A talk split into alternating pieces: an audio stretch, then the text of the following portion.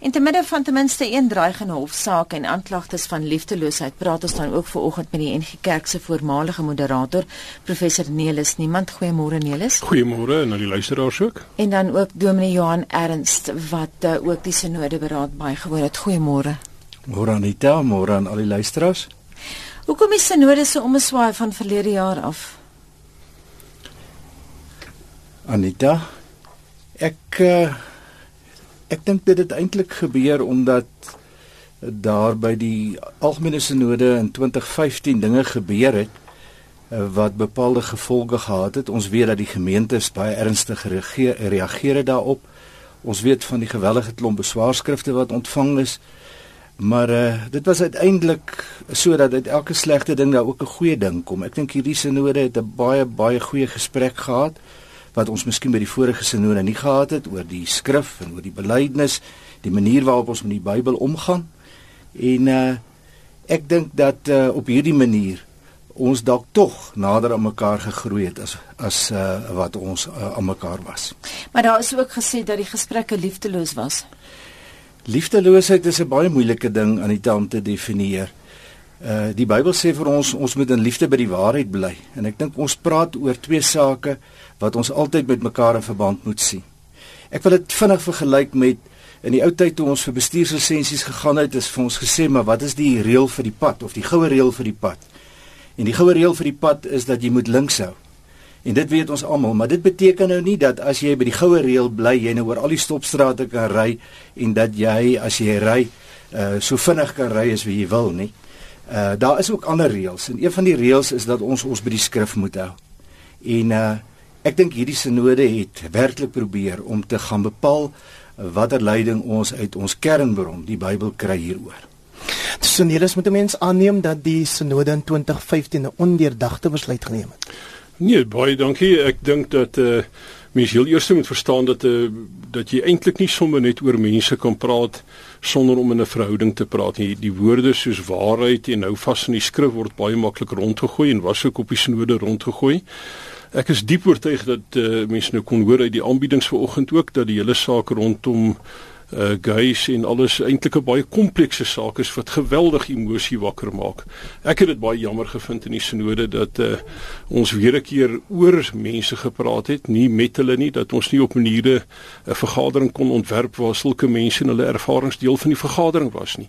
Ek dink nêrens verplig die Bybel jou om tekste uh jy weet soort van in isolasie te gaan lees en nie die effek van die manier waarop jy lees met ander mense uit te klaar en te vra hoe hulle dit hoor en ek dink dit was 'n leemte in hierdie sinode. Ek dink dit was die een van die redes hoekom daar oor 'n kernsaak omgeswaai was.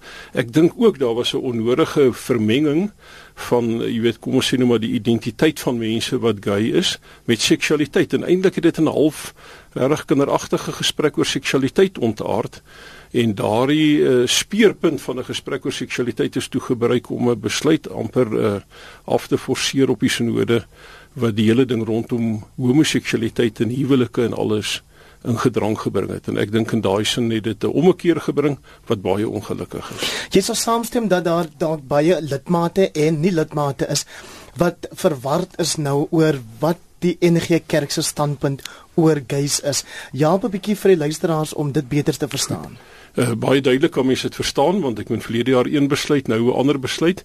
Twee goed is baie baie duidelik. Die een is is dat ek dink dit is ver oggend in 'n aanbieding deur Nelis Jansen van Rensburg ook gesê dat die algemene sinode het gesê hierdie is 'n moeilike saak. Dit moet met omsigtigheid hanteer word en goed gaan nie op gemeentes afgedwing word nie. So ek dink daai veilige ruimtes waarvan die Nipinaar ook gepraat het is gemeentes. Ons sal daar moet gesels, mekaar moet vashou uh jy weet in gemeentes sal die hele ding uh jy weet aan mekaar vasgehou moet word. Ek dink die tweede ding is uh oor een ding lyk like, laat ek net sê die tweede ding is is dis duidelik dat daar 'n omswaai is of soos julle sê daar's 'n u-draai. Voorheen is gesê uh huwelike tussen mense van dieselfde geslag kan goedgekeur word dominees kan dit bevestig sulke dominees kan gelegitimeer word. Nou is daar gesê 'n huwelik is net 'n permanente lewenslange verbintenis tussen 'n man en 'n vrou en alle seksuele gemeenskap buite so vaste verbintenis is taboe. En dis 'n baie ongelukkige tipe definisie wat sommer nog 'n klomp ander goed ook in gedrang bring en die hele ommekeer terugkeer lê in daai enkele besluit. En ek dink nie daar is sommer net eensstemmigheid in die kerk nie. Soos mense sê daar's verwarring.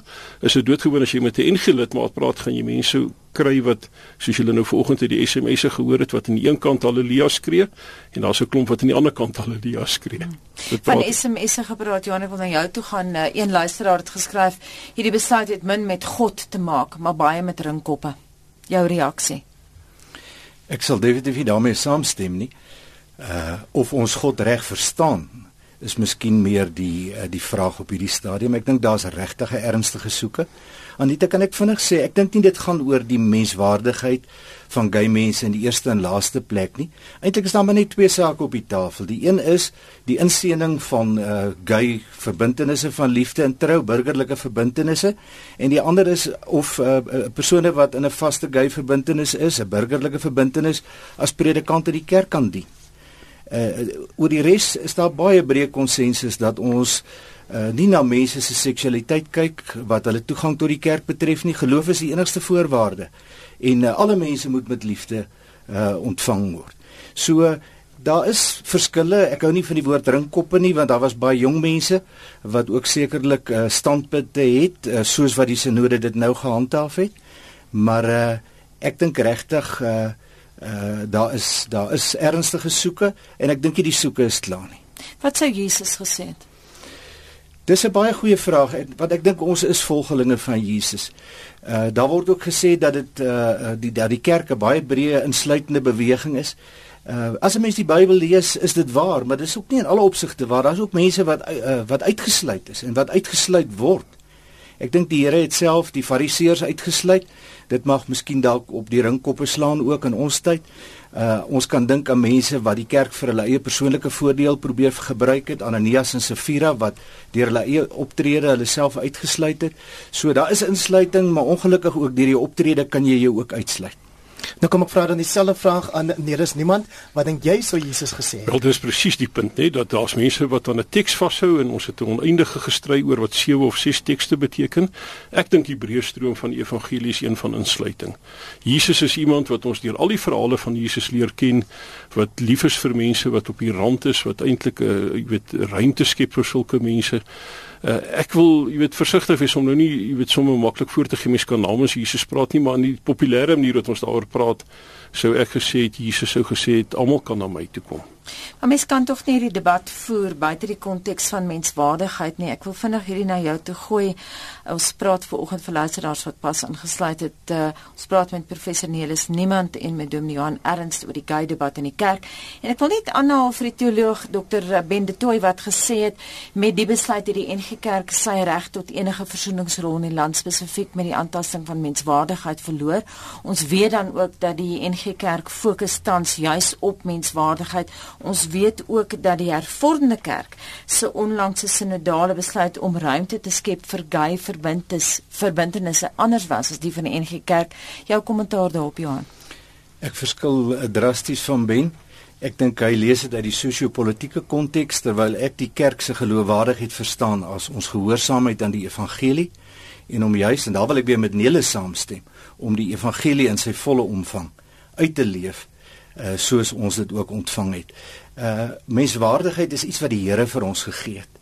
En uh ek dink ons uh ons moet na na al alle mense vanuit daardie hoek kyk, wat dan nie vanuit die wêreldse konteks nie, maar vanuit die Bybelse konteks.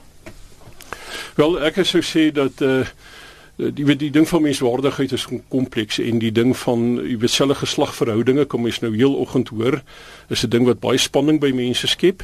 Ek sou nie sommer net so muur sê jy kan 'n streep trek deur 'n kerk se getuienis want die NG Kerk is een van baie baie kerke. Is een van min kerke wat jy weet in 2015 jy weet positiewe geluide gemaak het maar ek dink dat eh uh, dat hier is 'n geloofwaardigheidskrisis oor kerke in die algemeen. Ons sal baie dringend en indringend met mekaar moet praat, maar veral ook met mense moet praat oor hulle eie belewenis van hierdie saak. Ek wil terugkom na iets uh, wat Nelis vroeër vanoggend gesê het, Johan, ek wil jou kommentaar daarop hê want jy was beslot van sake daar, jy was uh, by die debat. Nelis sê die debat by by tye as kinderagtig beskryf. Ek moet sê dat ek eh, ek was net by die vergadering tot die besluitneming plaasgevind het. Dit wil sê ek was nie die donderdag daar nie.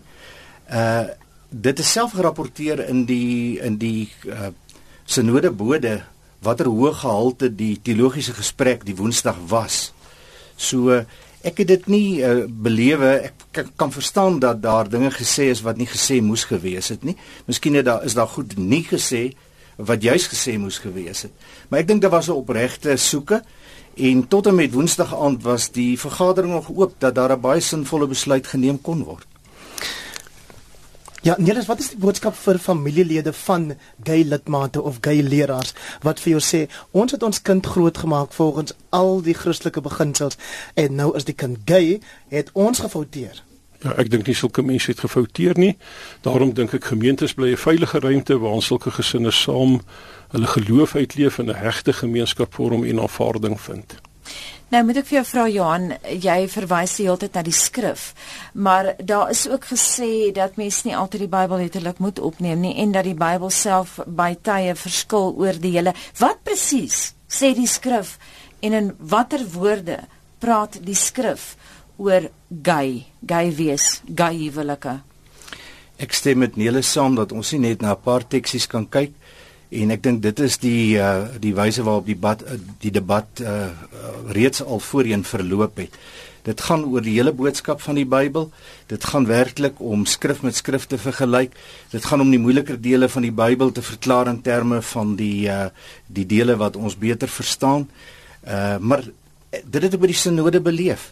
Ek dink die probleem waaroor ons sit is dat die saak wat voor ons is nie eksplisiet deur die Bybel aan ons voorgehou en verduidelik word nie dat ons dus juis afleidings uit die Bybel moet maak. En nou verskil ons oor die afleidings. Mm.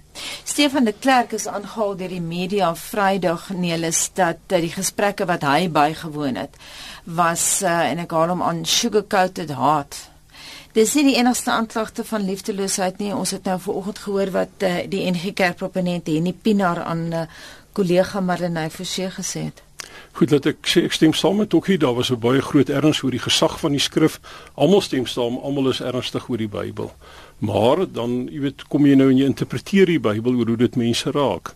En dit is waar een van die leemtes is. Ons moes meer moeite gedoen het om na die stemme van gay mense in hierdie verhoudings te luister. Ons moes saam met hulle om tafels gesit het en soos ons vanoggend oor die radio hulle stemme gehoor het, dit ook in die sinode gehoor het. Johan, daar word natuurlik in hierdie debat die hele tyd gevra waar is die liefde? die liefde vir die gay lidmate en leraars. Ek moet regtig sê daar is enkele uitsonderings, maar dat ons wat ook in die gemeentespredikante is dat ons regtig uh die liefde leef en wil leef. Liefde vra opoffering. Natuurlik vra dit van die ander kant ook opoffering. Liefde is om soos Jesus te wees om jouself prys te gee, selfs ook dinge wat kan aanstoot gee. So ek dink uh en ek wil dit tot die NG Kerk se krediet gee dat daar werklik liefde leef. Uh ek dink wat Nele sê is ook waar. Uiteindelik moet ons dit konkreet uitrol en hierdie is die uitdaging waarvoor ons sit. Die die gesprek is nie afgehandel nie. Uh die uh die saak duur voort. Verduidelik vir ons kortliks wat jy bedoel het met die enkele uitsonderings? Uh dat daar mense is wat liefdeloos teenoor ander mense optree en liefdelose dinge sê. Ons het dit by die sinode gehoor. Dit maak inderdaad seer. Ek het self al onder gay mense deurgeloop of mense wat die gay saak propageer wat uiters liefdeloos teenoor my opgetree het. Ons moet dit aanvaar, dis die werklikheid. Uh, maar uiteindelik moet ons bokant dit leef en moet moet ons liefde nie net betoon nie, maar dit moet in die hele wese van die kerk wees. Nee, dis Johan het nou net gesê eh, die gesprek is nog nie afgehandel nie. Maar as ons nou kyk wat verlede jaar gebeur het, wat hierdie jaar besluit is, moet hierdie ding nie nou vir eens en vir altyd tot op die spits gedryf word nie want ja. mense weet eenvoudig nie waar hulle staan nie. Ek dink spitsdryf is 'n moeilike woord want mens kan sommer heel oggend hoor almal is eintlik op verskillende plekke hieroor. Uh ek dink die plek hoort nou in gemeentes, daar moet ons pastorale met liefde met mekaar praat, mekaar vashou in gemeentes. Ek dink ook dit is nie die belangrikste saak in die kerk nie in 'n land wat uh, gekneld gaan deur krisisse, droogte, allerlei goeters, dink ek is ons mense ook so 'n bietjie moeg om dag en nag net oor hierdie saak gesprek te voer. Dit is baie belangrik, maar ander dinge is ook belangrik. Miskien is dit nou goed dat daar vir 'n rukkie bietjie rustigheid kom en dat ons in die groot prentjie kyk. So Johan, dat ek jou dan nou vra, wat sou jy dink is die groter kwessie wat die kerk tans behoort te bespreek as dit nie die gay kwessie is nie? Ek dink die geloofwaardigheid van die NG Kerk soos julle tereg in die begin opgemerk het, is ter sprake. En die kerk sal na homself moet kyk. Dit is nooit sleg om uh, selfondersoek te doen, voortdurend te vra of ons werklik in hierdie tyd uh, relevant is of ons as kerk gehoorsaam is. En uh, uiteindelik kom al hierdie ander dinge weer ter sprake. Ja, miskien moet ons hierdie klank in die argief hou en dan volgende jaar hierdie tyd nee, hulle sien Johan dan gesels ons weer met julle. Baie dankie dan dan ons het gepraat vanoggend met die NG Kerk se voormalige moderator professor Nelis Niemand. Nelis baie dankie vir jou insette. En ons het ook gepraat met Dominee Joen, Dominee en dokter Johan Ernst wat ook die sinode beraad baie gewoon het. Baie dankie vir jou insette Johan. Anita vir my voorreg.